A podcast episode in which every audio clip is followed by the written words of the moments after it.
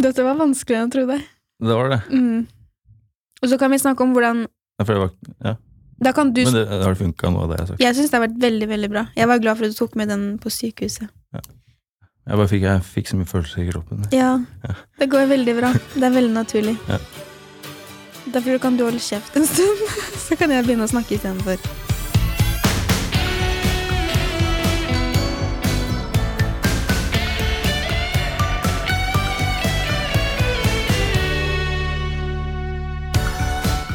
Og velkommen inn til oss i Innimellom. Vi er podkasten som gir deg svaret på alt det du lurer på som omhandler ditt studentliv. Jeg heter Amanda, og med meg har jeg min kollega Jonare. Hallo! Og i dagens episode så skal vi snakke litt om alkohol. Vi skal snakke om annet press på fest, og både Jonare og jeg skal dele ganske åpent og ærlig om eget forhold til alkohol. Og derfor har vi valgt å ikke ha med noen gjester i dag. Det er bare oss to. Ja. og da er det sånn at Av den anledning så har jeg vært og fiska fram noen tall fra eh, SHoT-undersøkelsen fra 2018.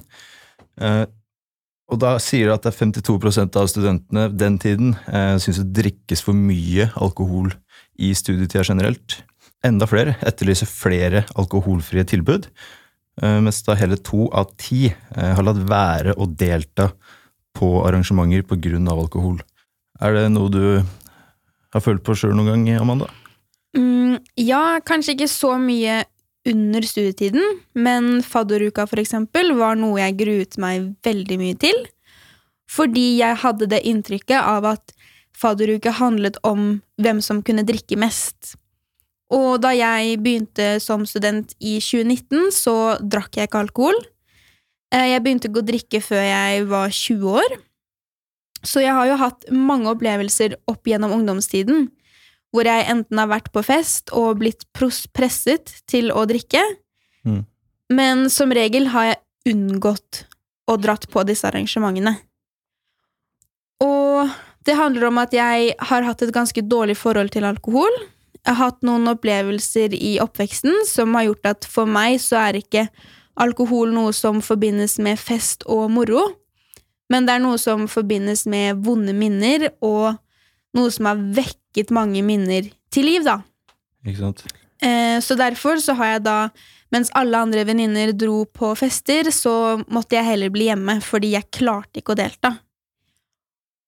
Og når jeg først etter hvert begynte å skulle jobbe med det her, da, og klare å delta på fester, for du blir jo veldig utenfor det sosiale livet når du ikke klarer å være med på fester.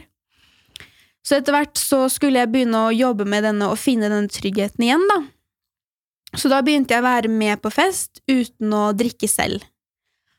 Og da opplevde jeg veldig at hvis jeg fortalte hvorfor jeg ikke drakk, så var det sånn, da var det kult at jeg tok et standpunkt som gikk imot normen, Mm.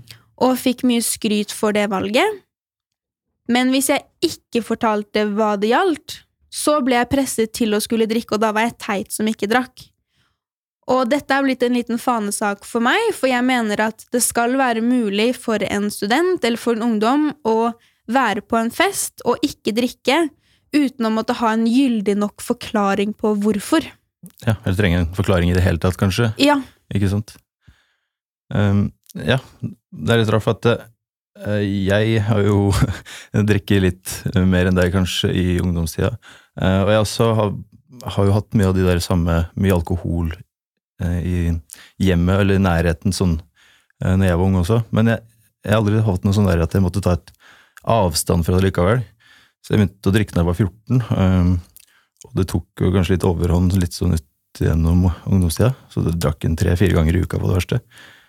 Eh, men jeg tok jo etter hvert et standpunkt på at jeg skulle kutte ut og ikke drikke, så jeg opplevde samtidig det samme som du sier der, at folk begynte å presse fordi jeg faktisk ikke skulle drikke, sjøl om jeg hadde vært med å drikke kanskje litt for mye, da. mm. Så jeg følte for mye av det samme, altså. Og jeg tror det er veldig mange flere enn oss som deler litt av den samme historien. Eh, og mange som kanskje drikker litt for mye i studietiden.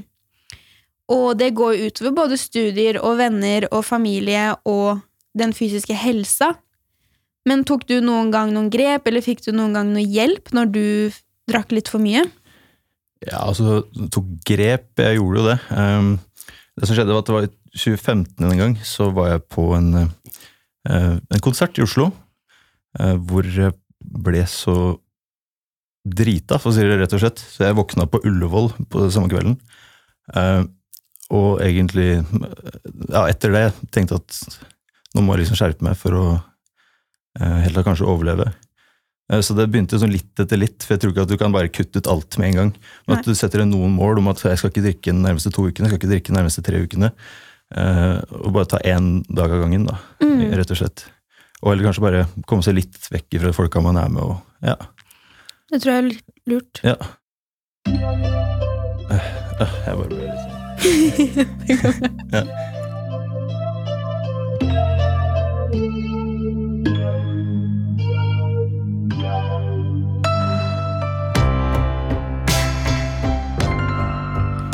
Jeg tenker også det er viktig å poengtere at det ikke skal være flaut å søke om hjelp. Mange drikker jo ofte fordi man kanskje har lyst til å slukke en sorg eller dempe stresset man har rundt studietiden, og at da er det bedre å søke hjelp tidlig enn å la det gå for langt, for du har jo greid å stoppe det før det har gått altfor langt. Mm. Har du det? Um, ja, jeg er helt enig i det, at det skal være lov å søke om hjelp. For i mitt tilfelle så var det litt sånn Jeg, jeg tenkte aldri der og da at jeg trengte hjelp, eller noe sånt, fordi man ljuger til seg sjæl om, om at man kanskje At alt går bra, da, ikke sant? Mm. Um, Men jeg tenker at det må være greit å søke hjelp, og det trenger ikke å være noe sånn svære greier, men at du snakker med noen, eller ja, Mm. oppsøker noen. Men hva med deg? Har du følt på du trenger hjelp for noe? Mm, jeg har fått ganske mye hjelp, eh, fordi jeg merket jo at det at jeg ikke klarte å delta, det gikk jo veldig utover min livskvalitet som ungdom, og falt veldig utenfor det sosiale liv. Så jeg hadde egentlig aldri et mål om å begynne å drikke, men jeg hadde et mål om å bli trygg rundt fulle mennesker. Mm. Em, og det begynte jo ganske tidlig i ungdomsårene, når jeg etter hvert eh, fortalte foreldrene mine da, hvorfor jeg syntes det var skummelt, og hva det var jeg hadde blitt utsatt for.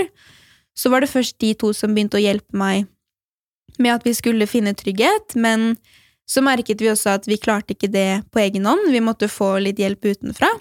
Så jeg har snakket med både psykologer og familieterapeuter og leger, eh, hvor jeg har blitt møtt litt forskjellig. Men jeg har jo også oppdaget da at det som egentlig har fungert best, er jo liksom denne eksponeringsterapien, hvor jeg har bare måttet utfordret meg selv og dratt på fester og begynne å få gode opplevelser med det. Og jo flere gode opplevelser jeg fikk, jo tryggere ble jeg. Og til å gå litt tilbake til start, så var jo denne fadderuken noe jeg gruet meg veldig mye til. Og det var også en motivasjon for at jeg skulle få hjelp, fordi jeg visste at fadderuken er veldig viktig å delta på, Mm. men jeg hadde ikke peiling på hvordan jeg skulle greie å gjennomføre det. Jeg var helt sikker på at jeg ikke kom til å klare å være med på en eneste aktivitet, og da hadde jeg nok fort falt utenfor det sosiale livet på høyskolen også. Mens jeg var veldig klar for å på en måte komme hit og begynne et nytt liv. Ikke sant?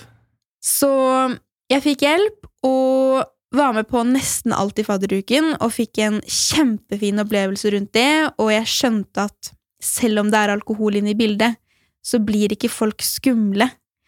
Og det er ikke det som er det største fokuset. Det største fokuset er på å bli kjent, og ja, få seg nye venner. Og det føles liksom det gikk greit eh, uten et stort alkoholinntak òg, liksom. Ja. Ja. Um, men etter hvert, så jo tryggere jeg ble, så begynte jeg også å drikke litt mer selv. Eh, og den dag i dag så har jeg et veldig normalt forhold til det, og kan drikke både én og to drinker for mye på en fest. Eh, og selv om det ikke er målet, så har det jo hjulpet meg til å bli mer inkludert, men det er også da jeg har innsett hvor stort presset egentlig er. Mm. Det innså jeg ikke før jeg faktisk begynte å drikke selv. Nei. Eh, ikke sant? Har du noen gang vært med på det presset? For det, jeg føler kanskje at jeg har vært med på det mye. At jeg har vært Mm. akkurat sånn der «Ja, 'Du må bli med og drikke, da. Kom igjen, da. Kom igjen, da. Tar en shot og sånne ting, liksom. Ja, jeg tror man at man er med på det, egentlig alle mann. Ja, jeg tror det. Og jeg skjønner at man ikke mener noe vondt med det. Man vil bare at alle skal være med og ha det gøy, Mm. og at det bare er noe som faller ut av deg.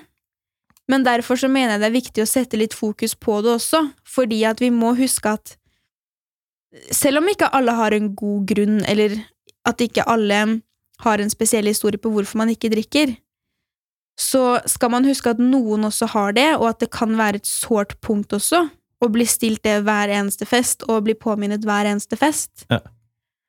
Og jeg prøvde jo alle triks, for eksempel, sånn at jeg drakk vann fra de røde plastglassene og holdt sider i hånda uten å drikke fra den, og jeg mener at sånne triks skal være unødvendige, da.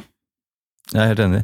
For jeg, når jeg også tok eh, litt avstand en periode, så husker jeg at jeg skulle på julebord og sånn, så eh, la jeg til rette for at det ikke skulle være mulig for meg å drikke, fordi da hadde jeg en unnskyldning for at nei, jeg skal gjøre det, så jeg kan ikke drikke. Eh, Men likevel, så det er da, da, da blir det tilbudt mye alkohol, da. Det er sånn Mhm. Folk kommer og heller i kjeften på deg, liksom. Mm, Eh, og folk, som du sier, jeg tror ikke folk tenker å være jævlige med å gjøre det. mm. Eh, men ja, det er noe å tenke over, da. Tenk, Ja. Mm. Og også tenke over å legge merke til hun jenta i rommet som kanskje var som meg, da. Mm. Fordi i hvert fall for min del noe som har hjulpet meg veldig når jeg har øvd meg opp til å bli så trygg som jeg er i dag, Ja. det er å ha den trygge personen i rommet som vet om utfordringen min, og som passer litt ekstra på at det går fint.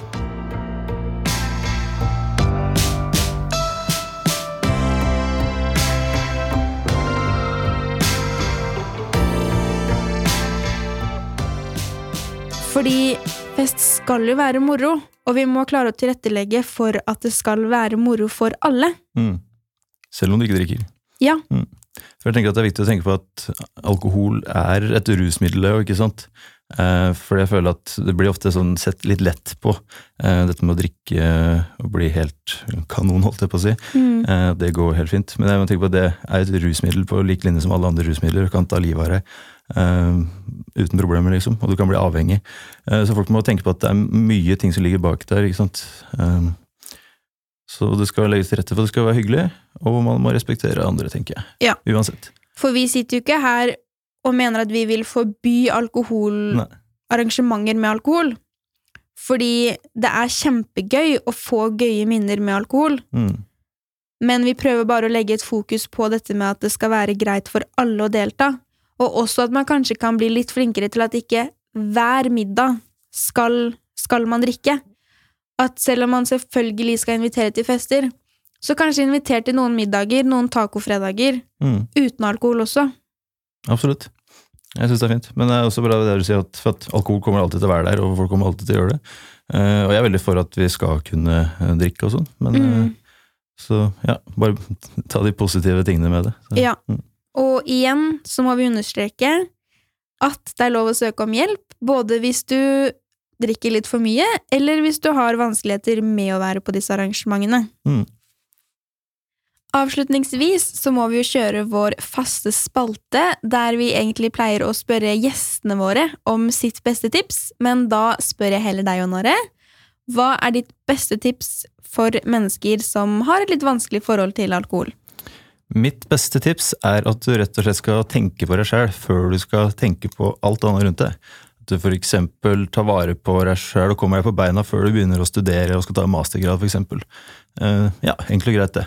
Ja, det er et godt tips for eh, livet sjøl, det å ta vare på seg selv først. Det er jo det. Men da tror jeg at vi takker for dagens episode. Takk for at du hørte på, takk for at du var så ærlig, Jon Are. Takk i likeså. Og så snakkes vi igjen i neste episode. Ha det fint. Ha det bra!